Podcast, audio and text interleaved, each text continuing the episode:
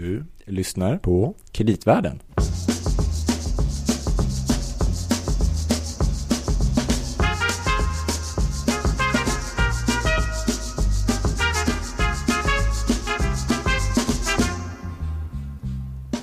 Louie, vad kul att se dig.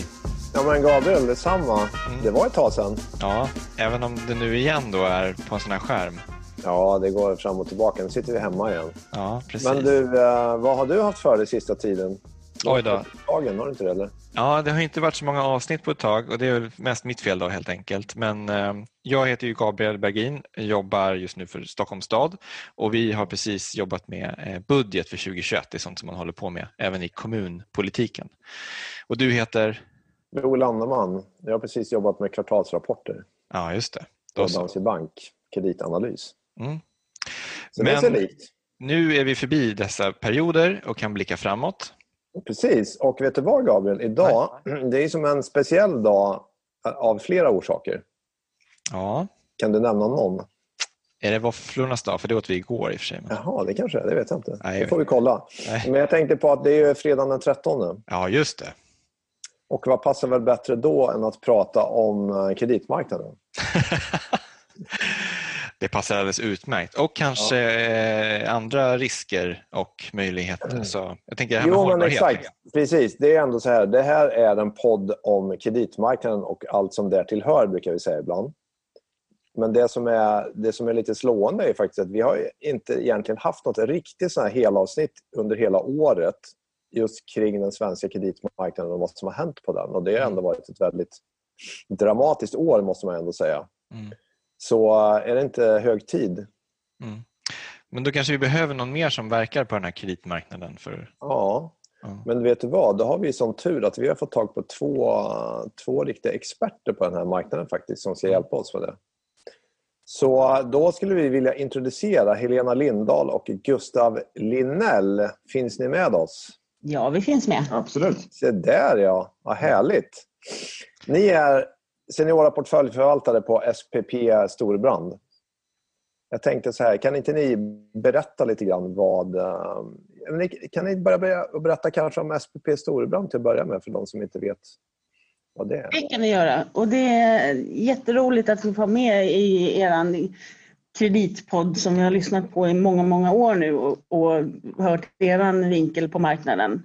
Men eh, jag och Gustav, vi jobbar på SPP Storebrand Asset Management i Stockholm. Och eh, det är många som undrar vilka vi är. Och eh, vi kan börja med att Storebrand då är en norsk, ett norskt företag som som driver pensionslösningar och så i Norge. Och för tio år sedan så köpte de ett av de största livbolagen i Sverige som heter SPP. Och, och sedan dess då så är vi en väldigt lyckosam förening kan man säga. Nordisk konsult. Nordisk, eh, nordisk eh, asset manager. Mm. Just det. Då både livbolag och eh, fondbolag i ett. Så SPP är då både ett, ett livförsäkringsbolag och ett, ett fondbolag. Och vi sitter då och förvaltar både livbolagets pengar på räntesidan och kreditsidan och fondernas fonder då på ränte och kreditsidan. Så vilka, vilka typ av fonder är det som ni, som ni förvaltar? Då?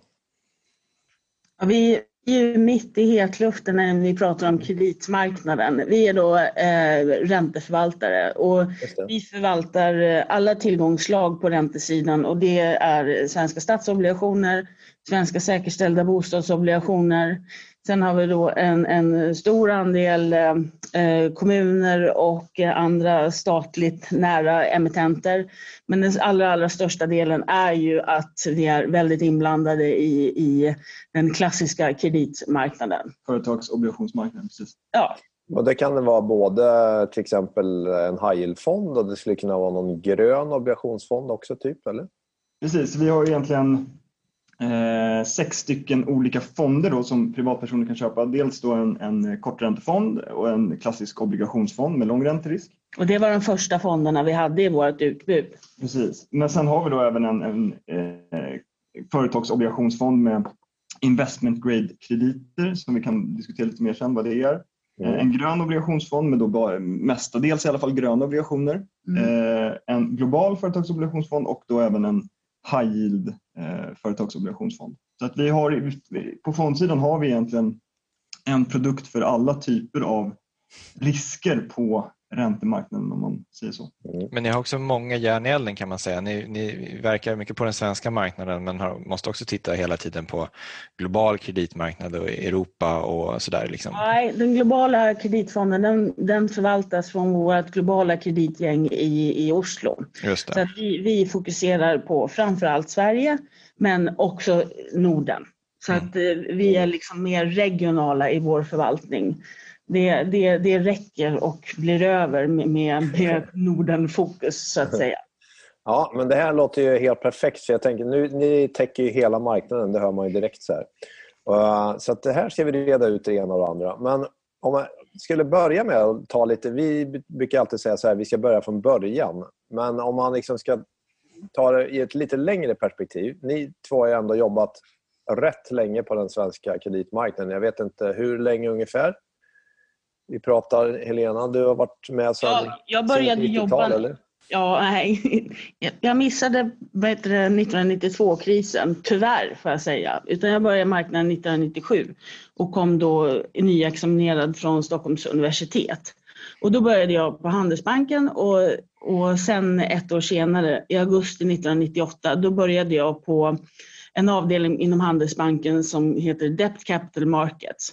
Mm. Och för de som inte är inblandade i kredit- kreditobligationer så är Debt Capital Markets, det är där som bankerna gör kreditobligationer. Det vill säga man, man, man, har ett, man har, hjälper företagen med sin finansiering och det kan antingen vara då en bankfinansiering eller en marknadsfinansiering och då hjälper man till med både och, och med dokumentationsfrågor och sen att man hittar lämpliga investerare till, till de här obligationerna. Och nu ville det sig inte bättre då att precis samma dag som jag började på den här avdelningen, det var den 5 augusti 1998, så ställde Ryssland in sina betalningar. Så att jag började, jag kastades rätt in i, i, i Asienkrisen och när den liksom mötte sitt crescendo. Så att, och efter det så har det varit då många, många väldigt lugna, lugna perioder men också väldigt volatila perioder. Och då är det då 2008 och, och eurokrisen och eh, nu senast då i våras som liksom har, har definierat min karriär. Så det är väldigt intressant när man tittar tillbaka på det. Ja, man, eh, jag kom in 2011 så jag kom in precis mellan. Jag hade precis varit klara med liksom finanskrisen i USA och så skulle vi gå in i, i eurokrisen. Så jag kom in där någonstans i, i det lugna vattnet 2011 och sen så fick jag ju hela 2012, 13, 14 i, i, eh, framför mig. Eh, och jag började ju på livbolaget då eh, 2011 med att egentligen hjälpa till och, och förfina och strukturera eh, den eh, räntematchning som livbolaget har. Eh, så det var ju mycket fokus på, på den derivatportfölj som livbolaget då eh, SPP har eh, och fortfarande har och vi förvaltar. Eh, och sen så har jag glidit över mer till då eh, fonderna eh, efter det och Mm. mer tillsammans med Helena och vår chef Andreas Helldal. Vi får inte fastna för mycket i det men det är ganska spännande det här med vad ett livbolag faktiskt gör. Att man har ju en, en jättestor eh, skuld så att säga som Mm. man ska på något sätt matcha med tillgångar som ska ge avkastning för att de här pensionerna till exempel eller inte, ja, eh, ska kunna betalas ut. Exakt, och det är ju en stor del av vårt jobb är ju att se till att eh, just försöka matcha den skulden på ett så bra sätt som möjligt med olika typer av instrument för att kunna då dels eh, skapa avkastning men också ge utrymme för, eh, för livbolaget att kunna ta risk. Och det är ju det här hela solvensregelverket kommer in och det är ju ett avsnitt i sig skulle jag säga som ni får ta, som ni får ta någon gång. Bra. Mm. Men det är, det är ju kul och det är jättespännande och det gör ju att det här är ju ett jobb som är väldigt förändligt också för att regelverk förändras ju hela tiden eh, och det gör att liksom ens förvaltning måste också förändras eh, över tid. Mm. Men om man då skulle blicka lite tillbaka, om man skulle jämföra med hur kreditmarknaden var, låt oss säga det då, efter Rysslandskrisen då, Helena, kring här, år 2000 och sen titta framåt, alltså 2010 eh, då ni båda var på plats då, ungefär och sen nu liksom. Hur, vad är det som har hänt under den här, på den svenska kreditmarknaden under de här åren? Ja, det, det är som natt och dag och det, är det här som gör vårt jobb så fantastiskt spännande att vi ser liksom i princip då ska man säga då att, att eh, ungefär när jag började, runt 2000, då, var, då fanns det liksom ingen kreditmarknad, inte som vi känner till den idag. Utan vi hade då ett, ett 20-tal eh, stora exportföretag då som, som redan då var lite för stora för sina, sina respektiva banker så att man blev tvungen då att söka finansiering utav marknaden. Och marknaden bestod av de här 20 företagen och sen så var det en 6, 7, 8 investerare då som, som var aktiva och investerade i den här marknaden. Och den allra, allra största, det var ju då AP-fonden. Och jag säger fonden för att på den tiden så fanns det bara en enda AP-fond och sen ett par år senare så splittar man upp de här, det här kolossala jättedjuret i, i sju olika delar som ni säkert är bekant med. Och Utöver det, så AP-fonden, så var det då eh, ett par tre försäkringsbolag. SPP var med redan på den tiden. Och sen fanns det ett par, par, par stora bankfonder som också var med på den tiden. Men det var liksom that's it. Och, och det var ju en extremt liten marknad och, och extremt fåtal människor som var inblandade i den här marknaden. Sen under de nästföljande fem åren så hände det vansinnigt mycket och det är då framförallt då att man ser att en, en kreditmarknad i Europa börjar ta fart och den sker då på ryggen av, eller bakom utbyggnationen av 4G-nätverket, det vill säga att vi hade en extremt mängd stora telekombolag som också behövde marknadsfinansiering. Och då liksom växte marknaden av sig själv och den blev mer sofistikerad. Man började använda kreditderivat, man, man, man hade olika typer av kreditindex och, och, man ska, och man skapade också en egen allokering till kreditobligationer. På 90-talet så kastade man in de få kreditobligationer man hade då in i den stora portföljen, men nu blev det liksom ett eget tillgångslag. Och sen blev det här en marknad under stark frammarsch fram till 2008 där man såg en mängd olika företag komma in i spel och eh, och eh, livbolagen var extremt stora aktörer och, och också då mot slutet av 2000-talet så började då fondmarknaden växa sig riktigt stor och bli riktigt stora placerare.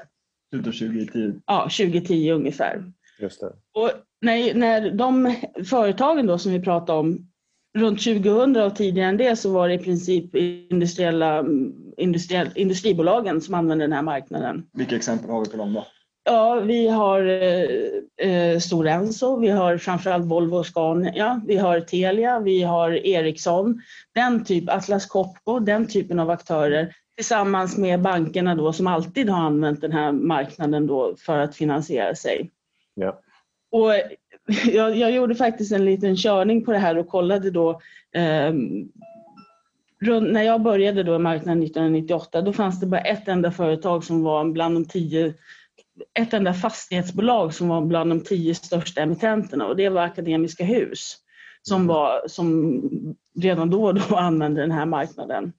Och sen tio år senare, då tror jag det är tre, fyra fastighetsbolag. Det var Vasakronan och...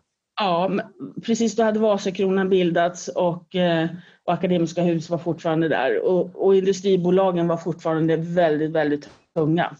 Och bankerna har ju blivit nästan ännu större. Ja. Och det är också första, första gången jag gjorde det här så var det ungefär 40 miljarder. Nästa gång var det 70 miljarder som topp 10 emitterade tillsammans. Och sen gjorde vi en körning på det här för ett tag sedan och vad fick vi ut då? Ja men precis, och då tror jag att det var 2019 som vi hade som val. Men i vilket fall som helst det ser likadant ut nu. Nu har ju mm. fastighetsbolagen blivit en väldigt stor del av den här marknaden och är, emitterar större delen av, av de, eh, de bond som kommer ut. Ja, det är åtta av tio fastighetsbolag och de har emitterat tillsammans ungefär 100 miljarder kronor. Mm. Så att det, det, är liksom en, en, både sammansättningen och volymen har förändrats kraftigt mm. under, under den här 20-årsperioden.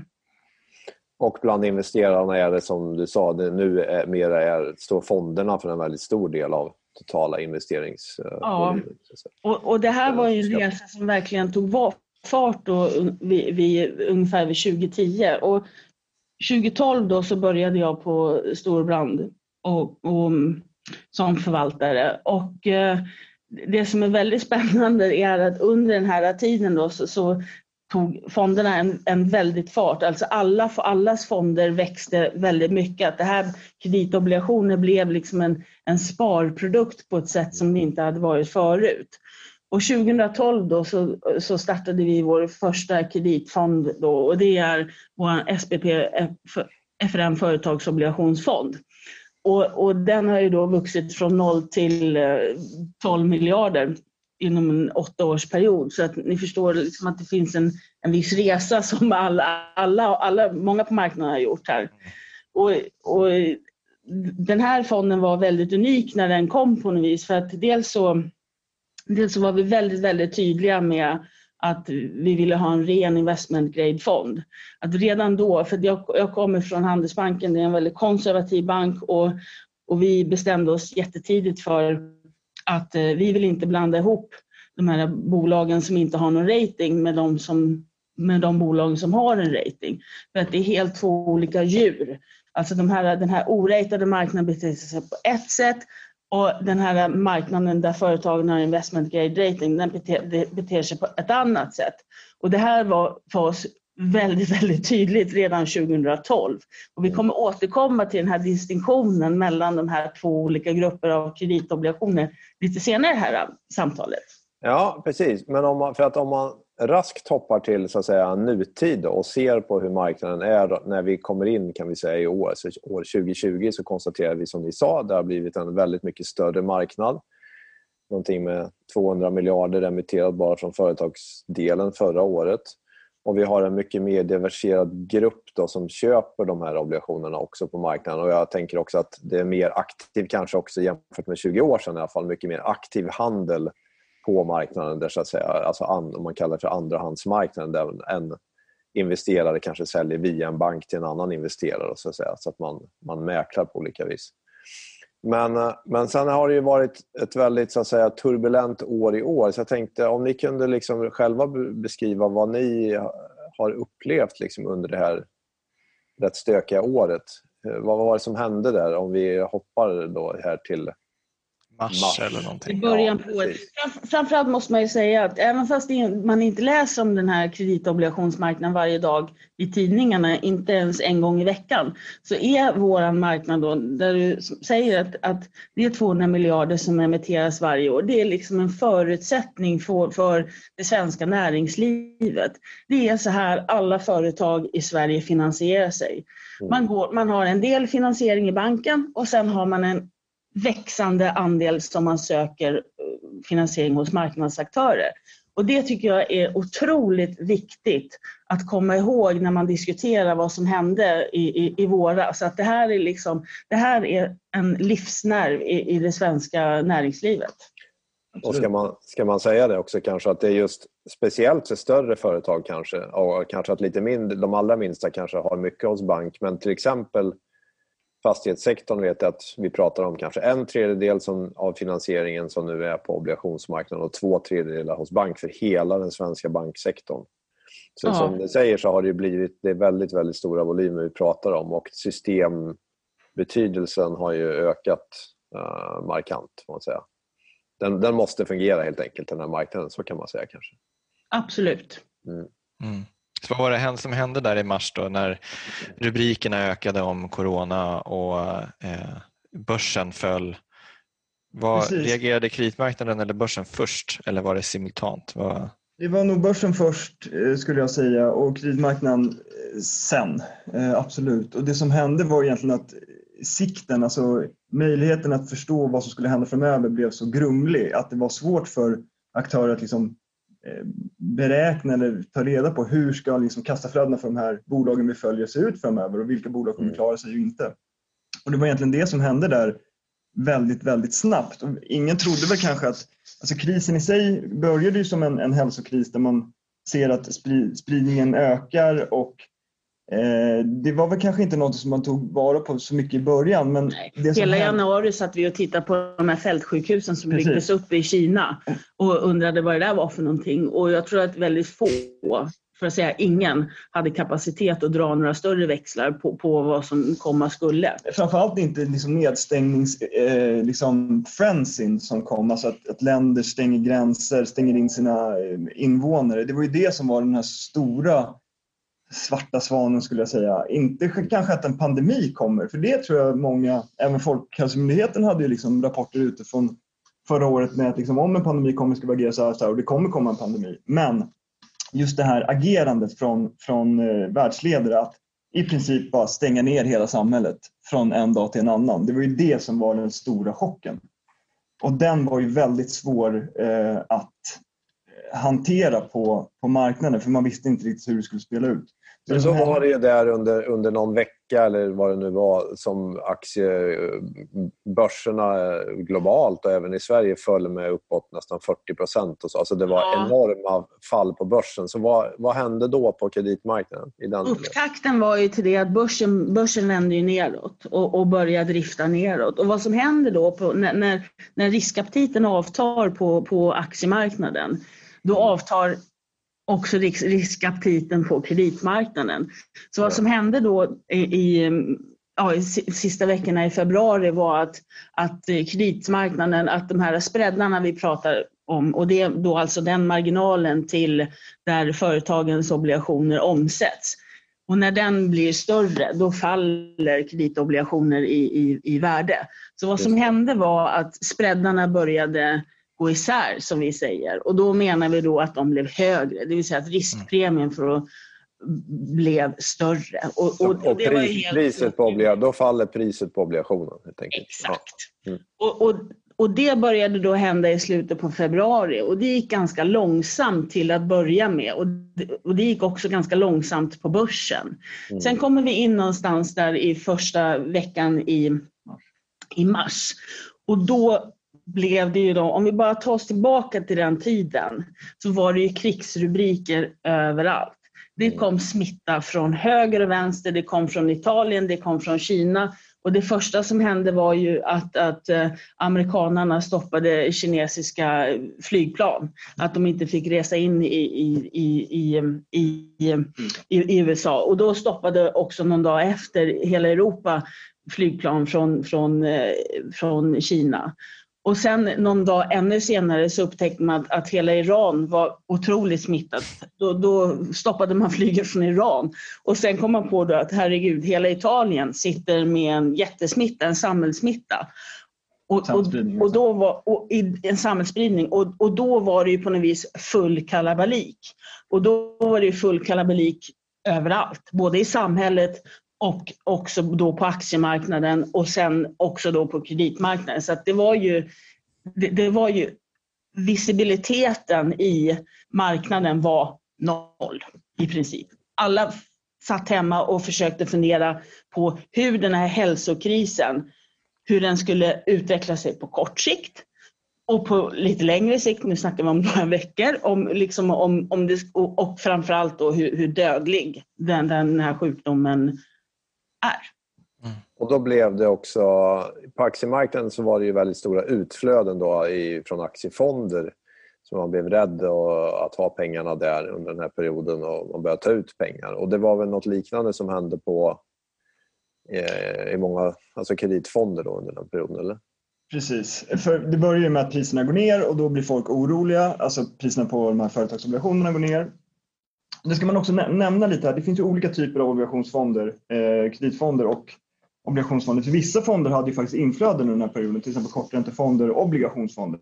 Det vi pratar om nu det är ju liksom fonder som har mycket företagsobligationsfonder. Ja. De fonderna fick utflöden till, till då motsatt effekt för, för de här lite säkrare fonderna som har mindre eh, kreditobligationer. Så man ska ju, redan här ska man börja liksom segmentera vad det är för typ av fonder som vi pratar om så att man liksom inte drar alla, för det tycker jag också har varit en, en ett problem i den här diskussionen att man har egentligen dragit alla fonder över lite en och samma eh, man har pratat om alla fonder och det, så var det inte riktigt. Det här var specifikt företagsobligationsfonder. Och i princip då så kan man säga då att de pengarna som folk sålde i sina aktiefonder och i sina företagsobligationsfonder man tog ut pengarna därifrån och sen placerar man dem framförallt i korträntefonder, penningmarknadsfonder och i obligationsfonder för att få någon form av värdesäkring i sin egen förmögenhet. Mm. I princip, det var ja. den rotationen men, vi såg. Men det som var, stor, det som var problematiskt då, det var ju att det gick väldigt, väldigt fort. Så det är som du säger, där början på mars så liksom börjar de här utflödena komma igång och de fortsatte i och med att börsen egentligen föll hela mars fram till egentligen 24-25 mars.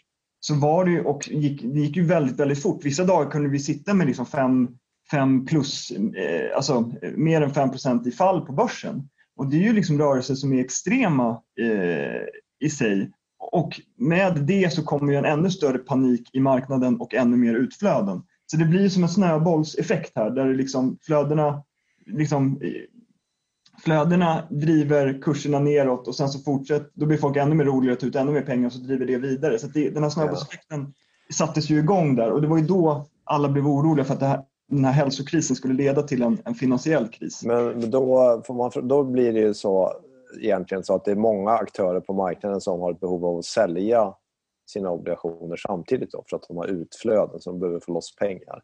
Exakt. Och, och, och, hur funkade det då i den här miljön? Då? Och då, och då köp och säljbenet i den här marknaden funkar så att bankerna fungerar som mellanhand. Och bankerna då har kapacitet att ta på sig en viss risk. Inte alls, eh, inte alls eh, i, den, i den utsträckningen som man hade för 20 år sedan. Då tog bankerna i princip allting. Men nu, nu har man då reglerat bort den möjligheten för bankerna.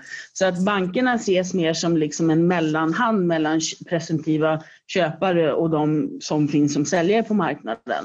Och, och vad som hände var när, när, när en sån här rörelse är igång, då är det som att knivarna faller. Att det är, det är många som vill sälja, men det är ytterst få som vill stiga ut i, det här, i den här marknaden och säga att jag köper. Därför att man vet att priset sannolikt kommer att gå ner lite till om man bara väntar. Och, och, och både då investerare som har köpkapacitet, som vi hade, och bankerna som fungerar som mellanhand. Man vill inte utnyttja, i ett sådant läge när marknaden är i fritt fall, så vill man inte utnyttja sin, sin riskmöjlighet som man har och, och köpa på sig vid första bästa tillfälle, utan man vill gärna köpa när marknaden bottnar. Så det var ju det, det alla köparna satt och väntade på, samtidigt då som säljarna då, vissa fonder som hade väldigt, väldigt stora och massiva utflöden, eh, blev allt mer desperata kan man säga. Ja, för det som händer då är att de har utflöden där slutinvesterare, privatpersoner eller andra vill ju liksom omsätta, omvandla sina fondandelar till, till kontanter som de vill göra någonting annat med.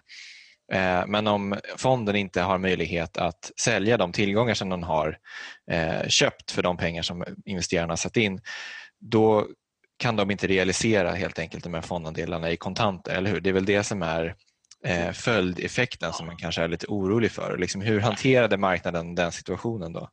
Alltså, och det här får vi än en gång liksom gå in och börja bena ut nu vilka typer av obligationer vi pratar om. Så att, mm.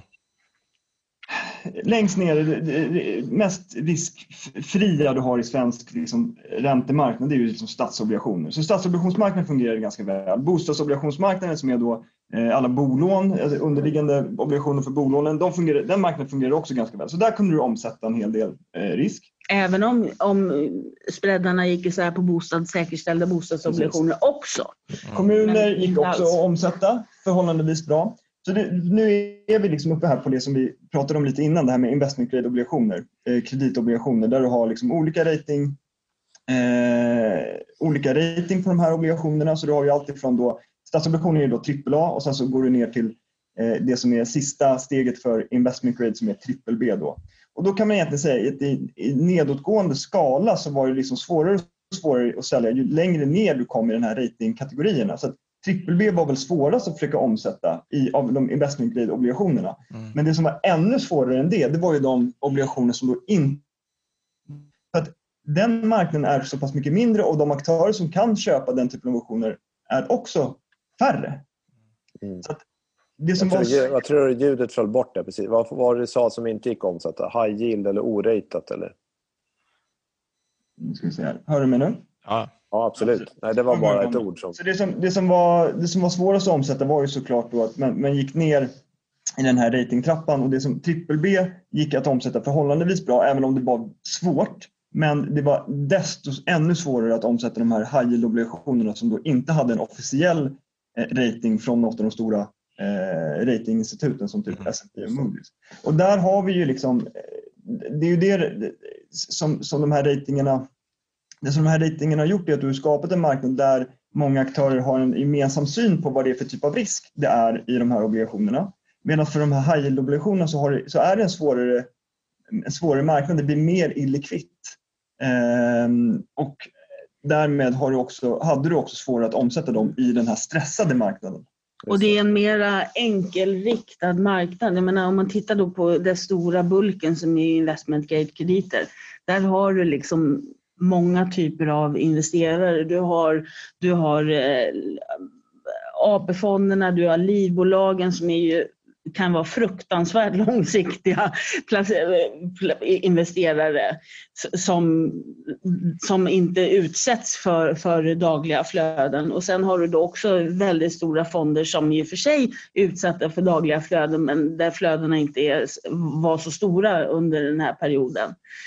Men om man går ner då, nedanför den här magiska, magiska taket då, som är trippel B minus och, och tittar då i den delen av obligationsuniverset som är lägre ratat än så, så, så har man, då- då, då minskar den här, de, de här långsiktiga investerarna, deras andel av marknaden minskar väldigt, väldigt mycket. Så att det finns inte lika många långsiktiga investerare i den delen av marknaden. Mm. Däremot så, har, så finns det då en annan långsiktig grupp då, som är family offices där det finns förmögna privatpersoner som har också kan vara långsiktiga. Men på andra sidan av den vågskålen så har du då eh, en, en, en stor andel fonder då som är utsatta för, för både insättningar och uttag. Som, och då blir det liksom en väldigt skev marknad i den, i den eh, stunden när alla behöver, eller många behöver. Jag tänkte precis säga, man kanske ska komma ihåg, alltså, eh, det är som du beskriver som en missmatch för att eh, den andelen av marknaden eller den, den delen av marknaden som kan, som kan ta mer risk och framförallt inte ha krav på officiellt kreditbetyg och sånt där, den har också vuxit väldigt mycket. Det är många fonder och annat. Så att den delen av marknaden har ju vuxit och är ganska stor. Men kruxet här som du beskriver är ju att de riktigt långsiktiga investerarna, investerarna pensionsbolag, livbolag och AP andra som, som, som har möjlighet att, som inte har utflöden, de har oftare hårdare restriktioner på vilken del av marknaden de kan verka i. Och därmed så, så matchade inte de här utflödena eventuella möjligheter att ta mer risk Nej, exakt. i det här läget. Men, men utifrån det ni beskriver så låter det ändå som att på sätt och vis att marknaden kanske betedde sig i den här miljön ungefär så som man kunde ha väntat sig.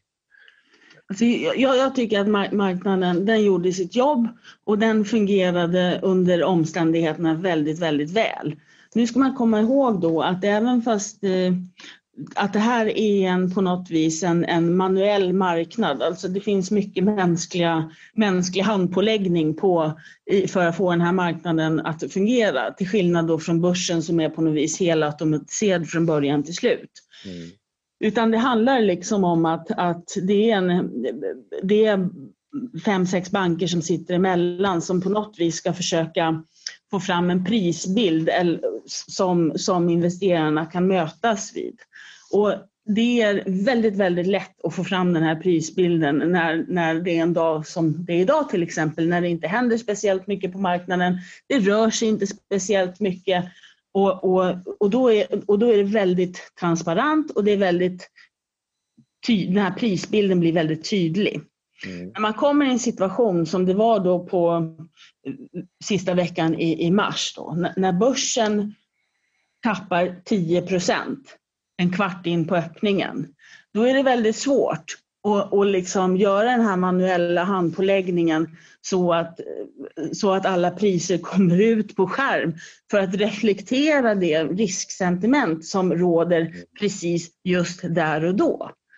Och under de här dagarna så var det så att det gick ner 10 procent. Sen återhämtade sig börsen 6 procent och, och, och sen följde 7 procent till. Så att ni, ni måste förstå att det är väldigt svårt att kunna göra den här manuella handpåläggningen. Och, Framförallt då om inte folk, alltså om det enda flöden som, som de bankerna då ska eh, försöka sätta de här priserna utifrån är att alla vill sälja.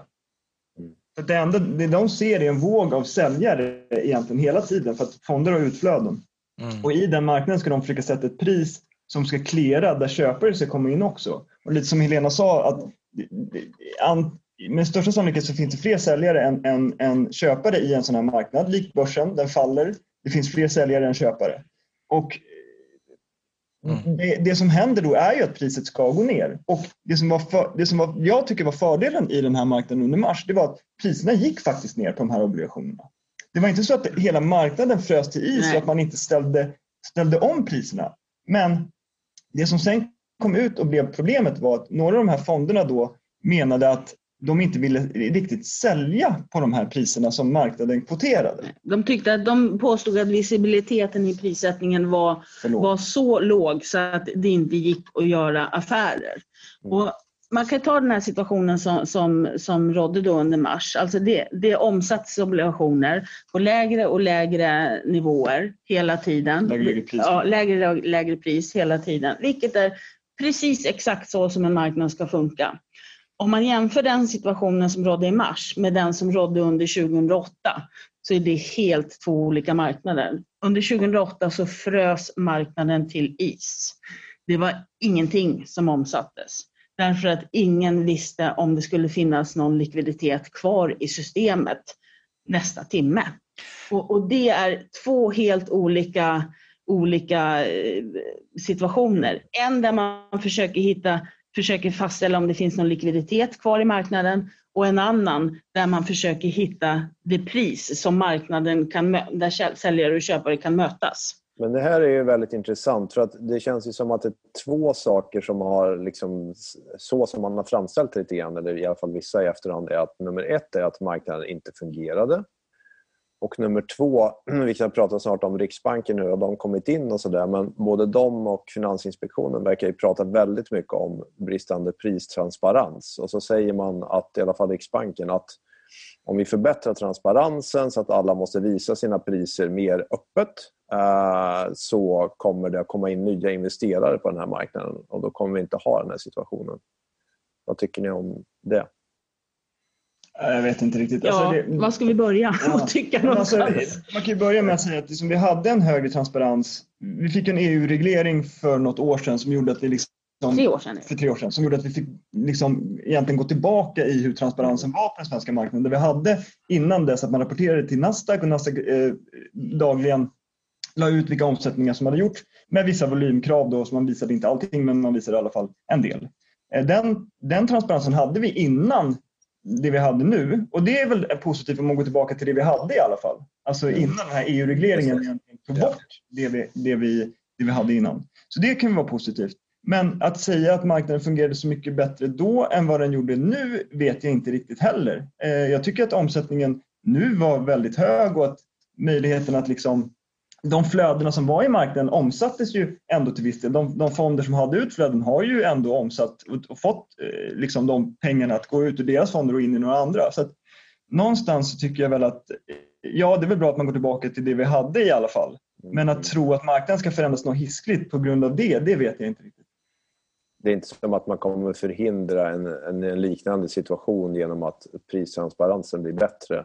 För att har man den här typen av säljtryck så ja, det, kom, det kommer inte att lösa sig av genom bara att man det är bättre pristransparens. Nej. Och vad som hände var då att, att när, när, när det var som värst då, och, och marknaden liksom, när marknaden någon dag eller två innan marknaden riktigt bottnade ur där i mars, det var ju då att det var ju en, en, en mindre andel av de svenska räntefonderna som såg sig nödgade att, att, att stänga sina fonder. Det vill säga att de de investerare som fanns, hade investerat i de här fonderna kunde inte få ut sina pengar. Och, och det, var en, det är den frågan som har tagit otroligt mycket plats i den här debatten.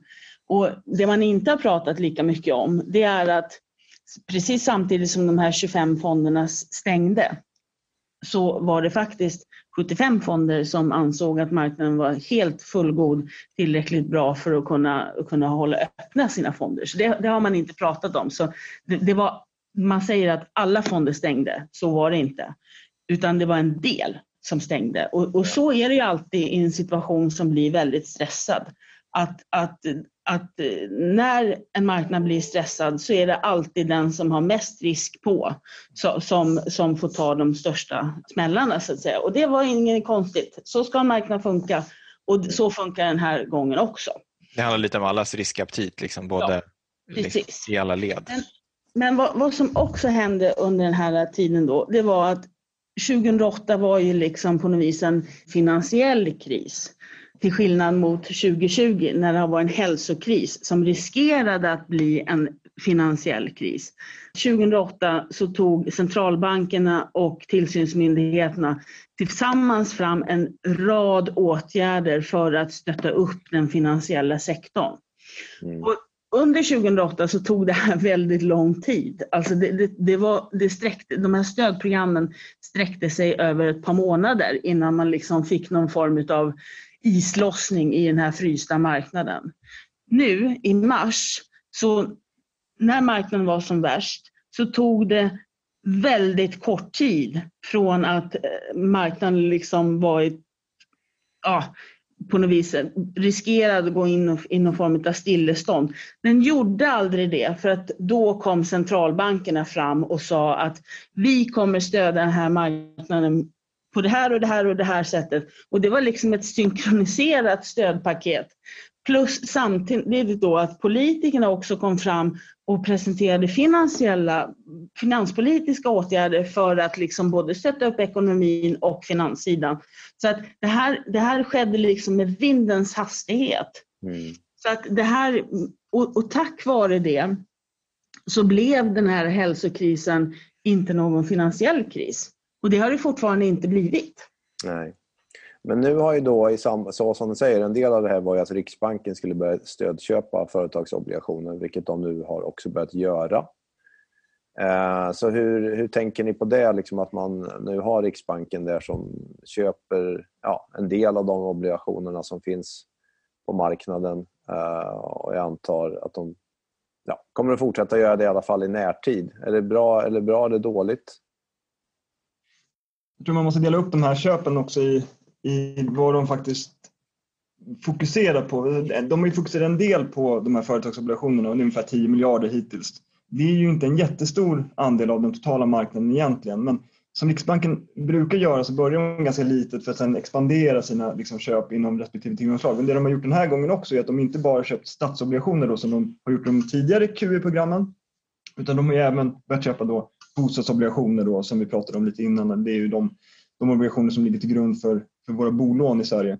Och egentligen skulle jag säga att det var den största eh, för det första den största delen som de har börjat köpa i, i, eh, i pengamängd eh, men också den marknad som de eh, som de är mest oroliga för egentligen, var mest oroliga för just då skulle jag säga. Ja. Eh, så att de här 10 miljarderna för företagsobligationer har än inte riktigt, för det första började de med det sist, det hade liksom, marknaden hade redan börjat stabiliseras på grund av kanske på grund av de här andra tillgångsköpen i statsobligationer och i bostadsobligationer. Eh, så att effekten av de här företagsobligationsköpen har ju inte varit så jättestor egentligen. Nej, det viktigaste man gjorde det var att man väldigt, väldigt tidigt i, i den här processen, eller i den här marknaden kom ut och sa att vi ska göra stora köp för att stabilisera marknaden. Och det viktigaste man gjorde det var att man köpte eh, både stats och bostadsobligationer. För vad man gjorde då var att man tillförde likviditet till bankerna som blev av med, med innehav som de hade fått på sig. Man liksom lite grann drog proppen ur så att man fick igång marknaden genom att man startade i den minst riskfyllda tillgångslaget och liksom började köra igenom, det, köra igång marknaden igen. Och, och, och vad som händer då det är ju liksom att att eh, när centralbankerna annonserar den här typen av åtgärder så, så, så då, då piggar ju risksentimentet på sig jättesnabbt och det såg vi ju. Börsen vände och, eh, och de här kreditspreadarna gick ihop. Så att det, det är liksom en värdemätare på risk, risksentimentet. Men de här köpen i förlängningen för sådana aktörer som er, gör det att det kommer att tvinga er att ta mer risk? Så att säga? För att ni, om, om Riksbanken köper mycket stats och bostadsobligationer och då blir avkastningen på dem väldigt låg så måste ni i era fonder titta på okay, vad, vad ska vi köpa då för att få någon avkastning här. Så måste ni ta lite mer risk. Det är, en, det är en väldigt svår fråga skulle jag säga för det handlar ju någonstans om vilken avkastningsförväntan du har på respektive mm. fond det, det, är inte helt solklart att du måste göra det. Det beror ju på lite vad du vill åstadkomma. Ja. Eh, och, och, så jag tycker liksom att det här, hela den här frågan, alltså Riksbanken vill ju någonstans att det är det som ska ske. De vill ju någonstans trycka pengar ut från det som är riskfritt, alltså typ statsobligationer, till det som är mer riskfritt. Det är ju en del av målet. För att sätta fart på den reala ekonomiska utvecklingen. Ja, och för att det hålla, ju och för att hålla liksom, alltså det här är transmissionsmekanismen liksom, där, där Riksbanken vill få ner spreadar på företagsobligationer så att företag i sin tur kan låna billigt. Och det är ju egentligen det det handlar om. Det här är ju inte en marknad, det här är ju delvis en marknad där vi ska tjäna pengar men det är också en marknad där bolag ska låna pengar.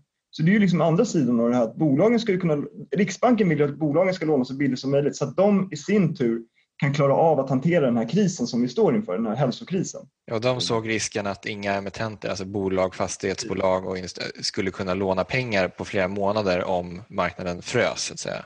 Ja, och det var ju det som hände 2008 och det ville ingen skulle hända igen. Mm. Och, och, och då satte man in alla de här åtgärderna så att marknaden, emissionsaktiviteten, vi hade ju ett par tre industribolag som var ute redan veckan efter marknaden, eller marknaden bottnade och, och gjorde två miljarders emissioner. Det hände inte 2008. Den historien tog fem månader då. Och sen hade vi då också kommunen som, kommuner och landsting som har eh, som har, hade finansieringsbehov som också kom ut på marknaden. Så att det var en väldigt snabb liksom, återhämtning och den, den återhämtningen får man väl delvis tillskriva eh, centralbanken och Riksbanken i vårt fall då, att de så snabbt kom in och understödde marknaden. Men när Riksbanken gör så här och kommer in och räddar inom situationstecken en marknad, då föder det också någon form av ett riskbeteende som är väldigt vanskligt. Genom att så fort en marknad går lite snett går ner går, går ner så kommer liksom centralbankerna som, som nödens räddare och, och, hjälper de förvaltare som har hamnat snett i det här. Så att det är ju det som jag tycker att vi behöver prata vansinnigt mycket mer om. Hur ska förvaltarkollektivet förhålla sig till det faktum att man inte lägger på maximalt med risk och kör huvudet in i kaklet och förväntar sig att centralbankerna kommer att rädda den. Mm. När så inte är fallet. Och det är den frågan, som, den här moral hazard-frågan som ja. blir så vansinnigt viktig att förhålla sig till. Och det gör då kanske att man, de som har tagit risk kommer att fortsätta kanske ta ännu mer risk och tänka att nästa gång så kommer de också finnas här och hjälpa mig. Och det, det, då kan man över tiden egentligen bygga upp en form av Eh, tillgångsbubblor skulle man kunna säga. Om både bolag och förvaltare skulle tillsammans vara väldigt riskbenägna. Precis, och det var ja. därför jag hade svårt att svara på den här frågan. måste man ta mer risk i den här, i den här miljön? Och det menar jag liksom, det har ju mycket mer med avkastningsmålet att göra än med någonting annat. Att du får ju egentligen förvänta dig lägre avkastning i vissa tillgångslag nu på grund av det som håller på att hända. Men, men om du inte vill ha, om du vill ha högre avkastning så måste du ta mer risk. Så det blir helt och hållet utifrån ditt eget Vilket ska du hålla konstant? Avkastningen ja, eller risken? Precis, mm. precis. Mm. avkastningen eller risken. Och där blir det liksom, om du vill ha högre avkastning nu måste du ta mer risk. Och så har det alltid varit.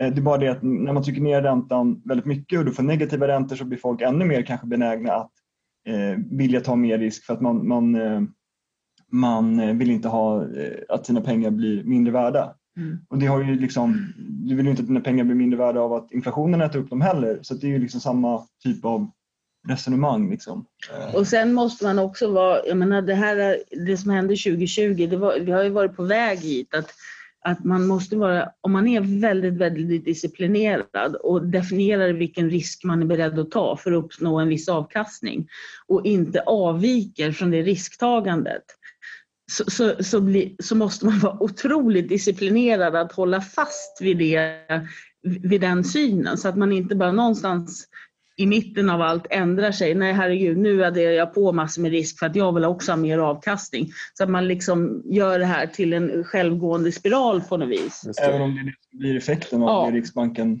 håller på att göra. Ja. Eller riks, inte bara riks, eh, Riksbanken, säger jag, Riksbanken. Men även andra centralbanker.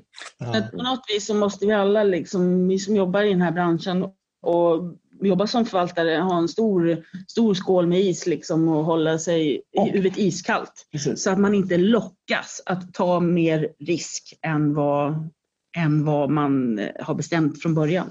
Och framförallt egentligen säga till kunder som köper ens produkter att liksom, vad är det för typ av avkastningsmöjligheter som finns inom det här tillgångslaget och vad, vad kan kunden förvänta sig i förhållande eh, risk i förhållande till avkastning. Så att man liksom inte säljer någonting eh, säljer är, grisen i säcken. Eller alltså säljer något som man säger att det, det, här innehåller ingen risk men eh, det, du får en fantastisk avkastning. Det finns ingenting som inte innehåller någon risk, eller hur? Det är det, precis. There is no free lunches. Men alltså Louis, det känns som att eh, ja. vi har ett, hade ett, som du sa i början, ett enormt uppdämt behov av att prata om kreditmarknaden i den här podden, eller vad säger du? Jo, men det är, lite, det är verkligen tillbaka till kärnan här konstaterar när vi ja. lyssnar på det. Och det finns, vi har liksom egentligen bara lite grann skrapat på ytan mer här. Vi hade ju som ambition också att vi skulle prata, vilket ni håller på också med väldigt mycket, med gröna obligationer, den här trenden med hållbarhet, lite EU-taxonomin. Men jag känner att nu börjar vi nog komma till eh, så att säga, tidsgränsen för det här avsnittet så vi får helt enkelt spara några grejer. Men det är väl alltid bra att ha lite så här teaser. Så att det här är intressanta grejer som vi ska prata mer om. Mm. Vi kommer gärna tillbaka för ja. andra avsnitt. Men vad, vad, den stora takeawayen från det i mars, det är att ja. också det att, att, att det är otroligt positivt att Riksbanken och vår tillsynsmyndighet Finansinspektionen har insett vidden av system, hur systemkritisk vår kreditobligationsmarknad är. Och att man börjar intressera sig för den och för att lära sig mera. Och, och det, det, är ju det positiva i det här, att vi har fått igång en rejäl debatt hur, ja. Eh, hur, den här marknaden ska fungera. Och det finns, det finns förbättringsmöjligheter. Men om ansatsen i den diskussionen ska vara då att marknaden är trasig eller marknaden fungerar inte så hamnar man snett från början. Utan marknaden, kreditobligationsmarknaden fungerade perfekt om man tänker hur risksentimentet var vid den tiden när man utvärderar marknaden så att säga. Ja. Att det är en välkommen diskussion men jag tror att man måste föra ansatsen rätt här. Mm. Och att man då är försiktig så att man inte förstör någonting som faktiskt fungerar bra i ansatsen att göra det bättre. Så att säga, av en, att det kan bli, man kan också ställa till skada om man gör förändringarna på fel sätt kanske. Exakt. Mm. Ja, det var ju absolut en lärdom. Och jag tänker även själv så att det man konstaterar om man skulle vara så att man ska investera i olika fonder så förstår man ju nu när man lyssnar på det här tycker jag att det är väldigt stor skillnad i både avkastning och risk då, mellan olika både de här olika typerna av fonderna som ni har, statsobligationer kontra företagsobligationer, men även olika typer av företagsobligationer kan ha väldigt olika typer av riskprofiler uppenbarligen. Så är det. Men det blir spännande Louis, man kan ju alltid, mm. jag passa på att säga det också, man kan alltid skriva till brev kreditvärden.se om man har synpunkter eller till oss på Twitter till exempel om man vill ja. vara mer i offentligheten. Så finns det också där kreditvärden.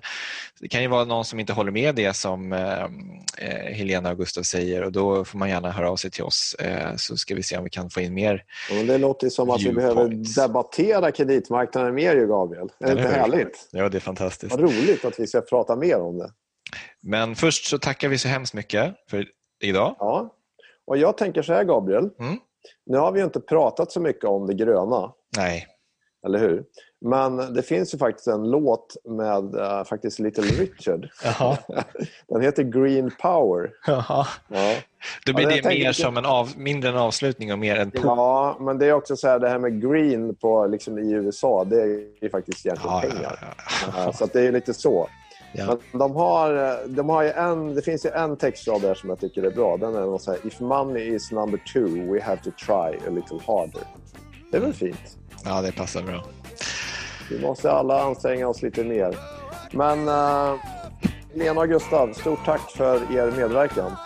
Jättekul. Stort tack. Och Gabriel, på återhörande. Vi hörs. Tack. Hej, hej. Hej, hej.